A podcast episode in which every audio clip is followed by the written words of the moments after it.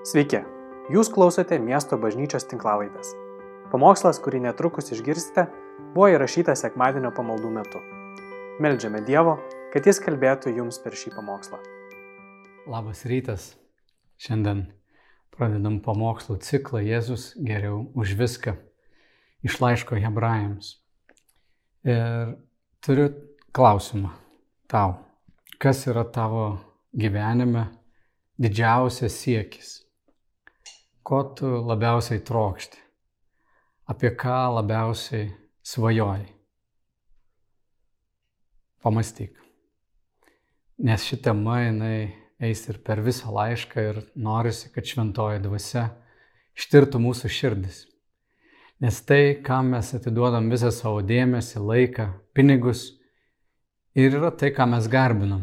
Galim būti pasakyti, tai yra mūsų Dievas ar iš mažosios raidės. Galima būtų sakyti, tai mūsų tam tikras išgelbėjimo kelias. Um, kaip mes matom savo gyvenimo vertę, tam mes va, paskiriam uh, savo širdį. Ir laiškas Hebrajams kalba apie Jėzaus kelią, apie tai, ką Dievas padarė dėl žmogaus. Nes žmogus nuo Dievo gali nutolti dviem skirtingais ir vienodai blogais būdais. Ir galbūt tave tai nustebins, bet aišku, vienas mums suprantamas kelias yra. Žmogus gali pasirinkti nereligingą, be Dievo gyvenimą. Na, šiais laikais tai galėtum vadinti relativizmu, kai viskas apskritai atrodo yra kintama, tai yra, nėra jokių absoliutų, nėra absoliučios moralės. Na ir žmogus, kaip ir humanizmas ar ne, skelbia, tai yra tokia antro po centrišką arba žmogaus centriš, į žmogų orientuotą pasaulyje žiūrą, na, kurie žmogus yra pats centras. Kiekvienas žmogus jis pats nustato savo, savo kelią, savo moralės normas, kas jam primtina, kas ne. Ir niekas iš tiesų negali primesti tau to keliu. Tu e, be Dievo, tu esi šito pasaulio gyventojas, tu pasirenki pats savo kelią. Žmogus taip gali labai drąsiai atmesti šitą, šitą kelią, Dievo kelią ir pasakyti, Dievo iš vis nėra, aš esu pats savo autoritetas.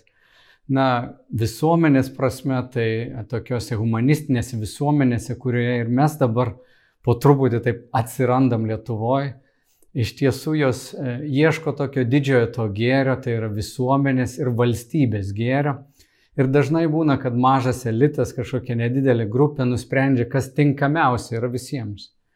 Ir na, šita sistema, jeigu žiūrėtume praeitą šimtmetį, tai ne vienoje visuomenėje nesukūrė tos utopinės visuomenės. Nes atmetus Dievą, siekiant sukurti tą naują žmogų be religijos, vis tiek reikia kažkokio atrodo pamato, bendro pamato nėra. Ir tai pavirsta dažnai tokiu totalitariniu arba diktatūra tokiu režimu, kuris visgi engia žmonės. Ir klasės keičia klases, bet nieks nesikeičia. Žmogus gali Dievą va taip atmesti, pasakyti, aš tiesiog esu pats savo šeimininkas, ką aš noriu, tą darau. Man jokios moralės nereikia iš šono, aš pats nuspręsiu, kas bus mano moralė. Tikinčiojo gyvenime, kaip ta versija atrodytų tavo mano gyvenime, kurie, sakom, tarkim, esam krikščionis mes galim lygiai taip pat atitolti nuo Dievo pasakydami, Dievas yra meilė, Dievas yra geras, Jis yra gailestingas, Jis yra maloningas. Ir iš tiesų, kadangi jau Kristus taip mus pamilo, mes galim gyventi kaip norim. Ir tokiu būdu, pateisindami nuodėmę, nekreipdami ją dėmesio, mes po truputį tolstam, tolstam. Tas antinomianizmas arba gyvenimas be įstatymų įžengia į širdį, lygiai taip pat ir į krikščionio širdį gali įsijėti. Ir teisindami nuodėmę mes tolstam nuo Dievo, nuo jo šventumo. Bet kitas būdas, lygiai taip pat Sies Luisas yra pasakęs, kad jie abu šitie keliai yra vienodai kenksmingi arba jie e, vienodai atmeta Dievą.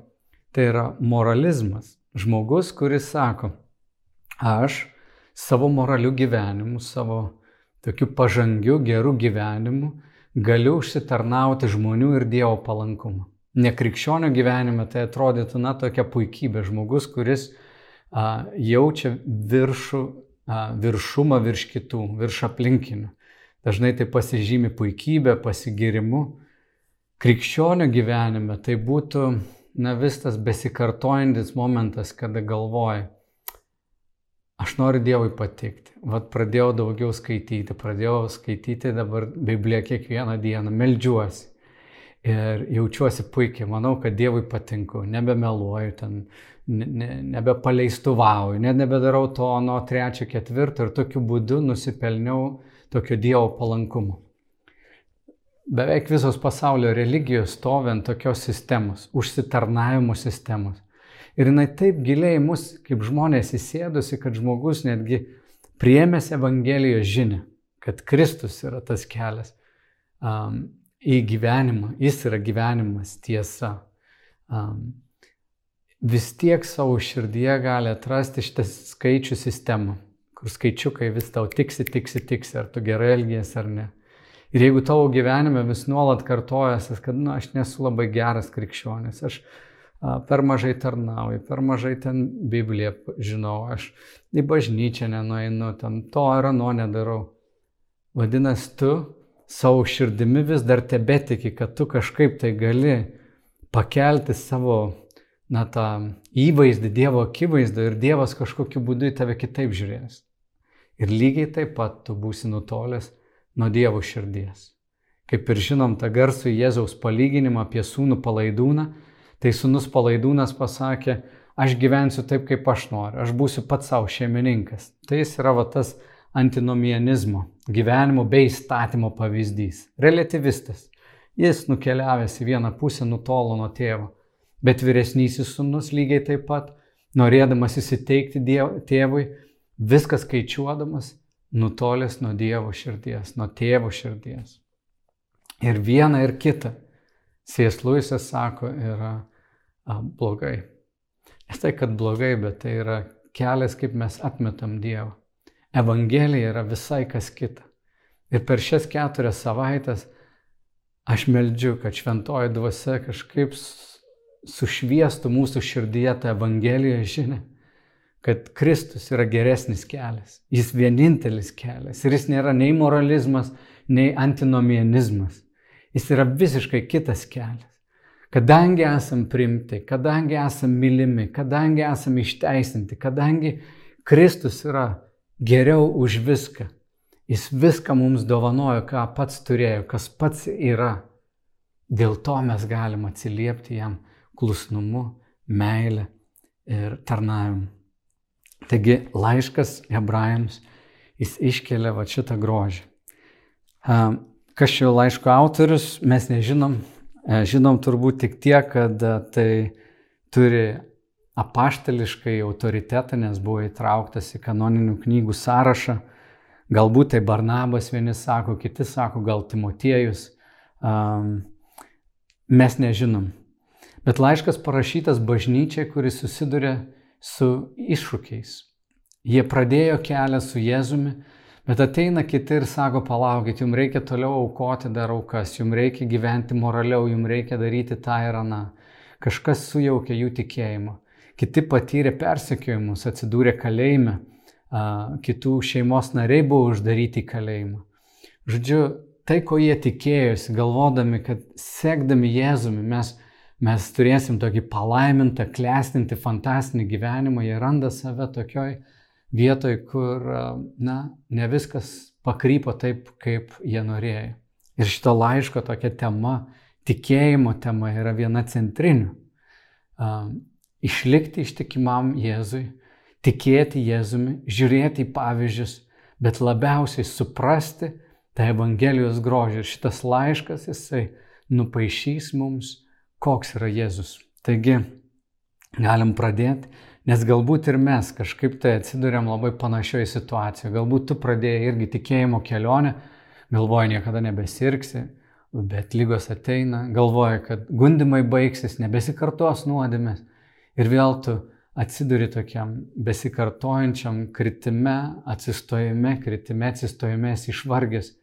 Galbūt galvoja, kad viskas bus fainai, santykiai bus geri ir bažnyčioje viskas puikiai seksis ir kažkas tau nepasisek, kažkas tave palieka, kažkas išduoda, galbūt pats nusisuk ir išeini savais keliais. Žodžiu, to sumešimo tikėjimo kelionė visada yra. Ir Dievo žodis nori mus gražinti prie, prie pačios esmės. Taigi, tikėjimas yra, kad mes matom ateitį ir renkamės pagal tai, kas nekinta, kas yra amžina, kas yra Kristaus kelias, dėl ko mums niekada nereiks gailėtis. Taigi eikim prie paties teksto. Laiškas Ibrahim, šiandien tik pirmą ir antrą skyrius paliesiu, bet labai raginu tave perskaityti visą šitą laišką. Tai tik 13 skyrių, tu neužtruksi ilgai, bet tu visą kontekstą pamatysi. Aš nežinau, daugybę kartų esu įskaitęs, tai mano vienas mėgstamiausių laiškų. Taigi pradėkim. Daugel kartų ir įvairiais būdais praeitie Dievas yra kalbėjęs tėvams per pranašus, o šiomis paskutinėmis dienomis prakalbo mums per sūnų, kurį paskyrė visako paveldėtoju ir per kurį sutvėrė pasaulius. Jis Dievo šlovės spindesys ir jo esybės tikslus atvaizdas, viską laikantis savo jėgo žodžiu, pats nuplovęs mūsų nuodėmės atsisėdo didybės dešinėje, tapdamas tiek pranašesnis už angelus, kiek prakilnesnį už juos paveldėjo vardą. Taigi čia pati pradžia. Dievas daugel kartų ir įvairiais būdais yra kalbėjęs per pranašus. Pranašams jis apsireikždavo sapnais, regėjimu. Jisai prabilo mozę iš krūmo, Ir mes matom, kad Dievas įvairiais būdais kalbėjo anksčiau, bet sako, paskutiniais laikais, paskutiniais laikais Dievas prakalbo mums per sūnų. Taigi pranašai buvo tie, kurie rodė tai, kas dar turi įvykti, jiems buvo apreikšta, kas įvyks.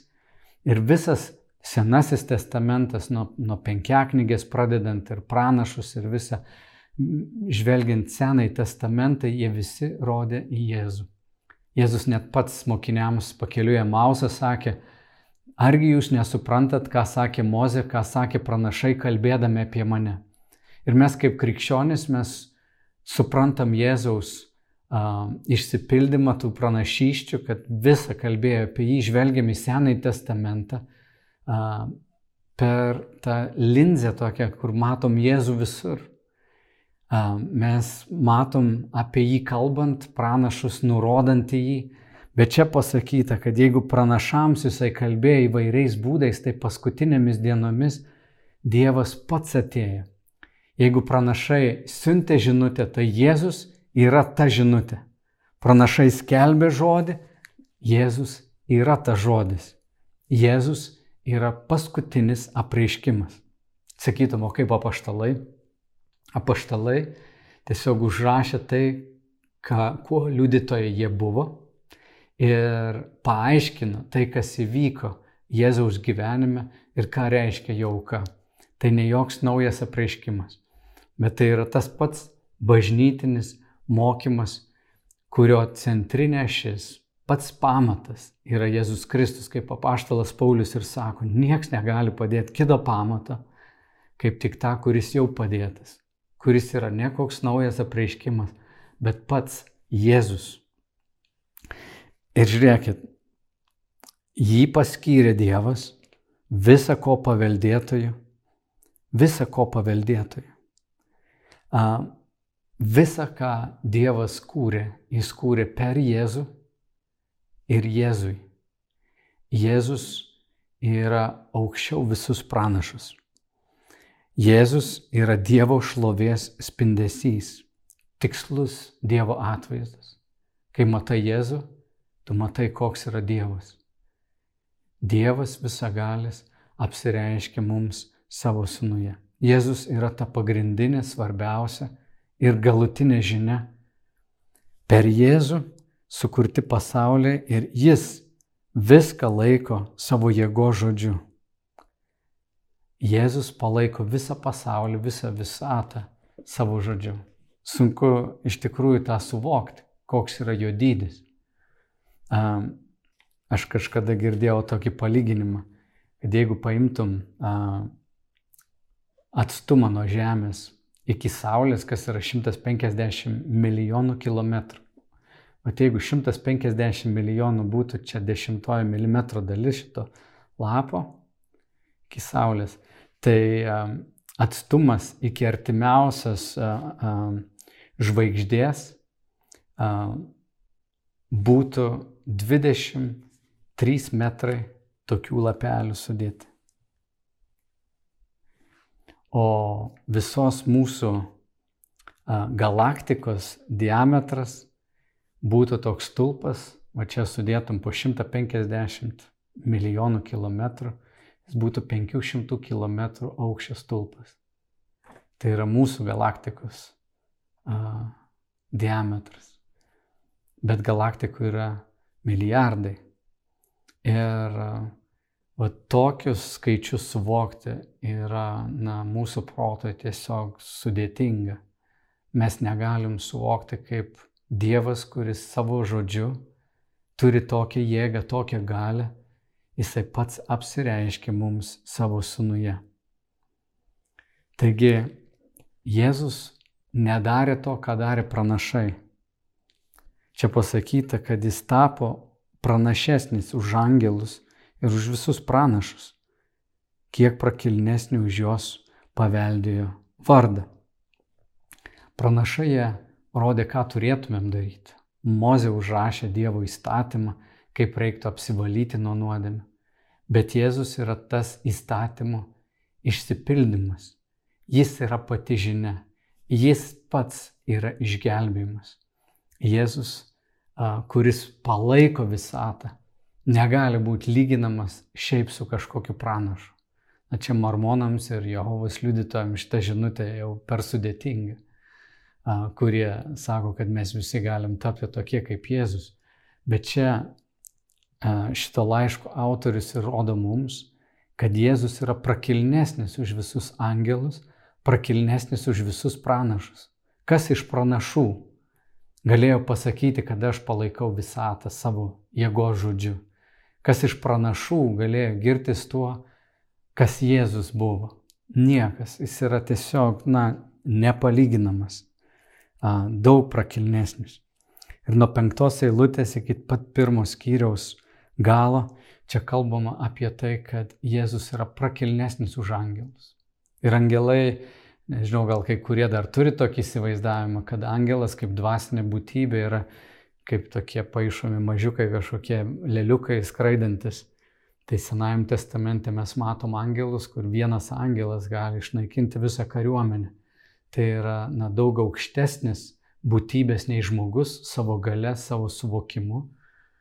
Bet Dievas pasirinko žmonijai siūsti savo sūnų žmogaus pavydalu, kad jis ateitų ir mums paskelbtų tą gerąją, gerąją žinią. Taigi, pagrindinė pirmo skyriaus mintis - Jėzus yra aukščiau visų Senojo testamento pranašų, aukščiau angelų, bet kokios dvasinės valdžios dėl dviejų priežasčių. Viena, pranašai skelbė žodį, Jėzus yra pats žodis.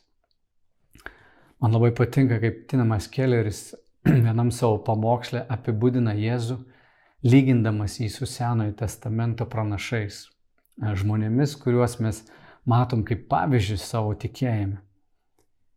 Jis sako, Jėzus yra tikrasis ir geresnis Adomas, kuris išlaikė išbandymą sode ir kurio paklusnumas dabar priskiriamas mums. Jėzus buvo tikresnis ir geresnis Izaokas, kurį tėvas ne tik vedė aukoti ant kalno, bet jis iš tikrųjų pasiaukojo už mus. Jėzus yra tikresnis ir geresnis Jokūbas, kuris kovojo ir gavo tą teisingą smūgį, kurio mes nusipelnėm, teisingumo smūgį, kad mes, kaip Jokūbas, gautumėm tik malonę žaizdas, kurios pažadintų ir sudrausmintų mus. Jėzus yra tikresnis ir geresnis Juozapas, kuris sėdi karaliaus dešiniai ir atleidžia tiems, kurie jį išdavė ir naudojasi suteiktą valdžią, kad juos išgelbėtų.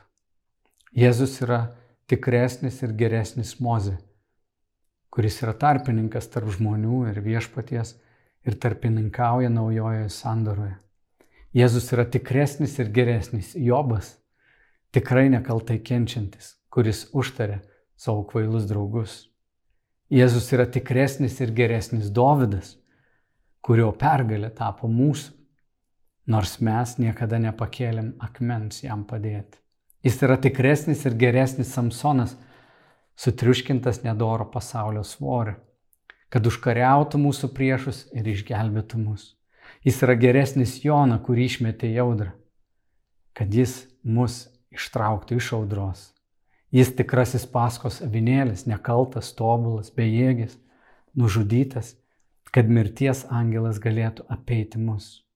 Jis yra tikroji šventikla, tikrasis pranašas, tikras kunigas, tikrasis karalius, tikroji auka, tikrasis avinėlis, tikroji šviesa, tikroji duona. Galų gale, Biblijoje tikrai viskas ne apie tave, visa tai apie jį. Visi, kas tikėjo Jėzumi kaip ateinančių mesijų, rodė jį, bet jie nebuvo tobuli. Dovydas toli gražu nebuvo tobulas, bet Jėzus yra tobulas. Taigi pirmas dalykas, Jėzus yra pranašesnis, jis yra tas žodis. Antras dalykas, Jėzus suteikia visiškai kitokį išgelbimą. Kaip pranašai arba mozė įstatymė rodė, kaip žydų tauta turėdavo visa tauta sueiti tris kartus per metus ir atnašauti už savo nuodėmės avinėlius. Mes dar pažiūrėsime į tuos skyrius vėliau hebrajams laiške, kokia visa ta buvo aukojimo sistema. Ir jie tik pridengdavo tas nuodėmės, turėdavo tokį laikiną susitaikymą su Dievu. Bet Jėzus atneša visai kitokį išgelbimą ne per mūsų darbus, ne per aukas, ne per mūsų maldų gausumą. Jis atneša visiškai kitokį išgelbėjimą. Iš malonės. Jis mums duoda teisumą dovanai per tikėjimą, iš malonės, kad nieks nesigirtų. Martinas Liuteris, kuris buvo vienas tų pirmųjų šauklių dėl išteisinimo per tikėjimą, jis ginčijosi su tuo metinė bažnyčia Romos katalikų bažnyčia tuo metu skelbė ir dažnai gazdindavo žmonės, pamokslininkai gazdindavo pragarų. Sakydavo, kad jeigu jūs neišpirksit savo nuodėmę per indulgencijas, jeigu jūs nedarysit to ar ano, jūs neįeisit į dangaus karalystę. Ir jie sakė, negalim žmonėms sakyti, kad jų buvusios nuodėmės, esamos ir būsimos yra atleistos Jėzaus auka. Martinas Liuterisgi sakė, gazdinti žmonės pragaru yra neteisinga. Jis pavadino tai tokiu prakeiktu abejonės mokymu. Nes sakydavo, kunigai tada sakydavo, kad jeigu tu žmonėm pasakysi, kad nereikia bijoti pragaro, jiems ims daryti, ką nori, jie nueis savo šuns keliais, kaip sakiau, to relativizmo tokiu keliu, amoralumo a, savo nuosavų keliu. O Martinas Liuteris sakė, ne, Jeigu parodysi žmonėms, kad Kristus prisėmė pragaro bausmę ant savęs ir jie supras, kad mums atitenka jo teisumas ir jo malonė, žmonės jums daryti tai, kas patinka Dievui. Ir jis sakė, tikri teisumo vaisiai auga užtikrintumo dirboje. Užtikrintumo dirboje. Ką tai reiškia užtikrintumo dirba? Kad mano išgelbimas, tavo išgelbimas nėra niekaip susijęs su mūsų gerais darbais. Jėzus yra auka ir tas garantas, per ką mes esame išgelbėjami, per ką mes esame išlaikomi tame išgelbėjime ir kame mes išliksim per amžius ir mes to net negalim prarasti. Vienas dar gyvas teologas, istorikas N.T. Raitas sako, Kaip tu gali gyventi su siaubinga mintimi, kad uraganas tapo žmogumi, kad ugnis tapo kūnu, kad pats gyvenimas vaikščiojo tarp mūsų. Krikščionybė yra tai, arba ji nieko nereiškia. Tai giliausios pasaulio tikrovės atskleidimas. Arba tai butaforija visiška nesąmonė. Dauguma žmonių nesugebantis priimti vieno iš šių dviejų dalykų yra pasmerkti gyventi paviršutiniškame pasaulyje tarp šių tikrovių. Ką tai reiškia? Mes arba priimam, kad Jėzus yra ta vienintelė auka ir kad Evangelija, kuri mums skelbia, kad mes esam primti kartą ir visiems laikam, nuplauti ir ištobulinti per jų auką. Galim būti klusnus jam. Žodis tapo kūnu ir gyveno tarp mūsų, arba mes priimam tai kaip absoliučią tikrovę, arba turim pasakyti ne, visa tai yra butaforija, nesąmonė ir eiti kitų kelių. Bet jeigu mes renkamės tokį vat, vidutinį kelią, kaip jisai sako, mes esam pasmerkti gyventi paviršutiniškame pasaulyje tarp šių tikrovų. Ir aš galvoju, kad jeigu Evangelijos žinia, žinia, tai ne argumentai, tai ne debatai, bet žinia, kad Kristus mirė, buvo palaidotas, prisikėlė ir šiandien sėdi Dievo tėvų dešiniai. Šita žinia kad jis tai padarė mūsų išgelbėjimui, mūsų išteisinimui, jeigu jinai nenusėda mūsų širdį, man atrodo, mes esam pasmerkti savo širdį stebėti tą veiksmą, arba mes einam tokiu pasileidimo keliu toli nuo Dievo, arba mes einam į kitą pusę tokį moralizmo keliu, skaičiuojam vis savo nuodėmės ir savo gerus darbus.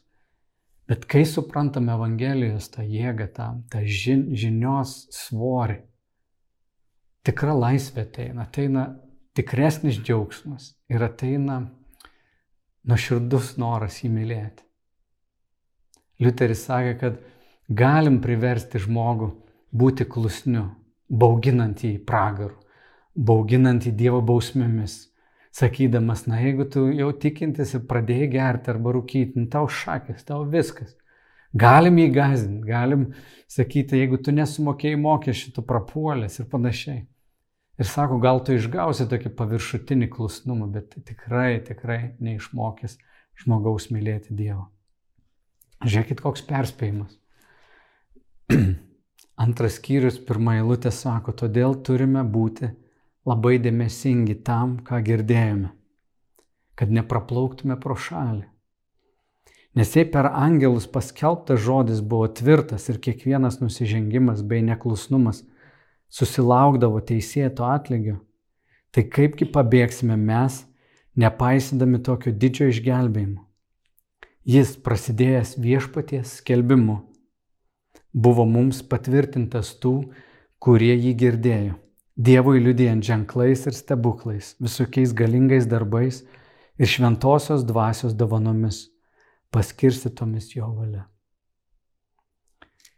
Jis sako, jeigu tas žodis, kuris buvo paskelbtas per pranašus, per angelus, Mozės buvo užrašytas, susilaukė tokio teismo, tokio pasmerkimo, tai kaip labiau žmogus, kuris pasirinks savo kelią, galbūt moralumu.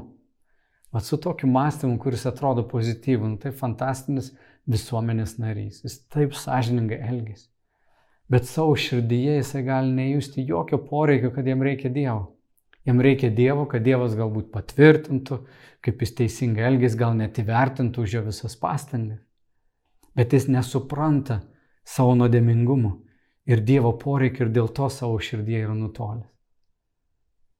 Tas, kuris renkasi Evangelijos kelią, jis pradeda nuo to. Mano širdis be galo nedora. Aš neturiu jėgų gyventi šventai. Man reikia gelbėtojų. Man reikia kito teisumo nes aš negaliu neišteisinti, neišpirkti savo praeities. Mano motyvai susimaišė neteisingi. Aš visas toks sulinkęs arba linkęs į nuodėmę. Man reikia gelbėtojo. Ir kai aš išgirstu tą žinią, kai suprantu, kiek daug man atleista, aš galiu daug mylėti. Tai kas atmes va šitą Evangelijos kelią, kas atmes šitą dovaną, nemoralistinė kažkokia žinutė, Ne ateikit į bažnyčią, būk doras, kiek tu gali čia taip gyventi pats savo, būti šeimininkas, nusižemink prieš Dievą. Ne apie tai kalba, bet tą dovaną. Jeigu neprimsim tos dovanos, sako, tų žmonių laukia teismas. Teisėtas atlygis. Bet mes, kurie patikėjom Kristumi ir atėjom, mes turim nuostabų nuostabų kunigą. Antros skyriaus 17 eilutė sako, todėl jis turėjo visų kuo tapti panašus į brolius, kad būtų gailestingas ir ištekimas Dievui, vyriausiasis kunigas, ir permaldautų už žmonių nuodėmės.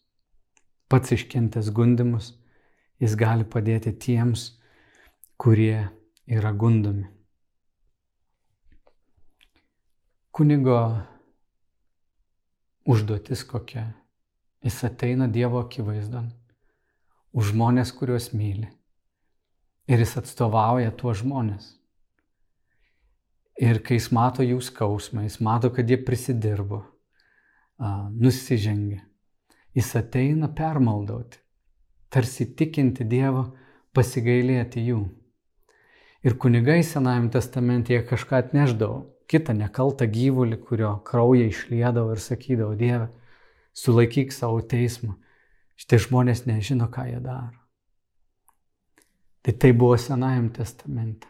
Bet čia mes turim tokį kunigą, kuris tapo panašus į brolius. Čia aukščiau dar pasakyta, kad mes esam vieno kraujo. Mes esam broliai ir Jėzus nesigėdė mūsų vadinti broliais, jis susitapatina su mumis. Ir jeigu tu galvoji, na, Jėzus nesupranta manęs. Aš noriu tau pasakyti, jeigu tu išgyveni vienatvę, Jėzus išgyveno vienatvę. Jeigu tu galvoji, aš gyvenime labiausiai norėčiau susituokti, turėti vaikų, Jėzus irgi išgyveno tuos jausmus. Jeigu tu galvoji, Jėzus nesupranta, mano tėvai manęs nesupranta, tas nepilnavertiškumo jausmas, kurį aš jaučiu, Jėzus to nesupranta. Jis supranta, jis buvo gundytas, jo tėvai irgi jo nesuprato, jo mama, broliai kartą atėję, sako, jis pamišęs. Ne visi jį suprato. Jeigu galvoja, kad jis niekada nekenti šalčio ar alkio klysti, jis, jis iškenti visą tai. Patyčio, Jis irgi buvo e, patyręs tai, jis iš jo tyčiojasi, jis buvo mušamas, išdavystė, jis buvo išduotas, nesuprastas. Ar jis žinojo, ką reiškia būti influenceriu, ką reiškia būti tokiu iškeltu, aukštai taip. Tuo metu jisai buvo labiau gerbiamas nei karalius, nei, nei Ciesorius, nei, nei Erodas, kuris tuo metu valdė judėją. Tai mes matom Jėzų patyrusi viską ir pasakyta, kad jis yra ištikimas Dievui ir kad būtų gailestingas, tai reiškia, kad jis galėtų tave suprasti ir neteiti tave smerkti, bet jis atėjo, kad galėtų tave, mane užtarti pas Dievą. Ir ne kaip kitaip, ne kokį svetimą gyvulį atsinešęs, bet pats save paukodamas. Tai Jėzus sako, aš atėjau nesmerkti, Aš atėjau išteisinti, aš atėjau išgelbėti. Tokį vyriausiai kunigą mes turim, kuris buvo gundytas, bet nenusidėjo. Ir jis gali padėti tiems, kurie yra gundomi. Žinau, kad Jėzus yra arti mūsų. Kai mes verkiam, kai tau pagalvė šlapia nuo ašaro, arba kai tau pagalvė šlapia nuo šalto prakaito, tu nežinai, kaip išgyventi šitą krizę galbūt, kaip išgyventi kažkokią netekti, ar mirti, ar, ar, ar skirybas, ar kas tai bebūtų. Žinau, kad Jėzus yra šalia ir jis su tavim kenčia. Tokį vyriausiai kunigą mes turim. Kas iš žmonių kada nors yra tau tokį dalyką pasiūlęs? Kas buvo tas, kuris tiek dėl tavęs padarė? Nėra tokio. Jis yra ta žinutė, jis yra gelbėtojas, Jis yra pats išgelbėjimas. Jis yra aukščiau visų pranašų ir angelų. Jis yra mūsų kunigas, mūsų užtarėjas, mūsų paguoda. O jis yra vertas visko. Aš pradžioje tavęs paklausiau, kas yra tavo aukščiausias siekis gyvenime. Ko tu labiausiai sieki, ko ilgiesi, ko norėtum, ką, na, kas kaip tu manai suteiktų tau didžiausią džiaugsmą, laimę gyvenime. Kas tai bebūtų, Jėzus yra geriau už viską. Jo šviesoj viskas kitkas yra šviesu. Be jo, net tai, kas mums šiandien auksų žyba, nėra auksas. Tai, kas šiandien mums atrodo gerai, kai tu taip pasieksi, gausi, nusivilsi. Nes visi kūriniai yra tik stabai. Jie negali turėti mūsų širdies, jie neturėtų pavokti mūsų mūsų širdies, viso mūsų dėmesio. Todėl šitam laiške Mes matom tą gražų Jėzaus paveikslą, kuris vienintelis ir gali mus išvaduoti iš mūsų stabų ir padovanoti mums save ir šį pasaulį kartu su savimi. Ir aš meldžiu, kad tu viešpatie savo šventąją dvasę per šias savaitės einant link Velykų atgaivintum kiekvieno besiklausančio širdį, kad suprastumėm, kad Niekas šitoj žemėje tau neprilygs, tu Jėzu esi geriau už turtus, už šlovę, už patogumus, už visus malonumus, už bet kokios svajonės išsipildymą. Be tavęs visa tai tampa dulkėmis ir pelenais. Ir aš Kristau meldžiu, kad ta žinia, Evangelijos žinia, sužadintų mūsų širdis meiliai tau. Noriu džiaugtis tavimi ir džiaugtis tavo pasauliu. Prašau, tėve, išklausyk šią maldą, dovanok mums atnaujintą meilę dėl savo sunaus Jėzaus Kristaus. Amen. Ačiū, kad klausėte. Daugiau informacijos apie miesto bažnyčią rasite internete www.m-b.lt arba Facebook, Instagram bei YouTube paskiruose.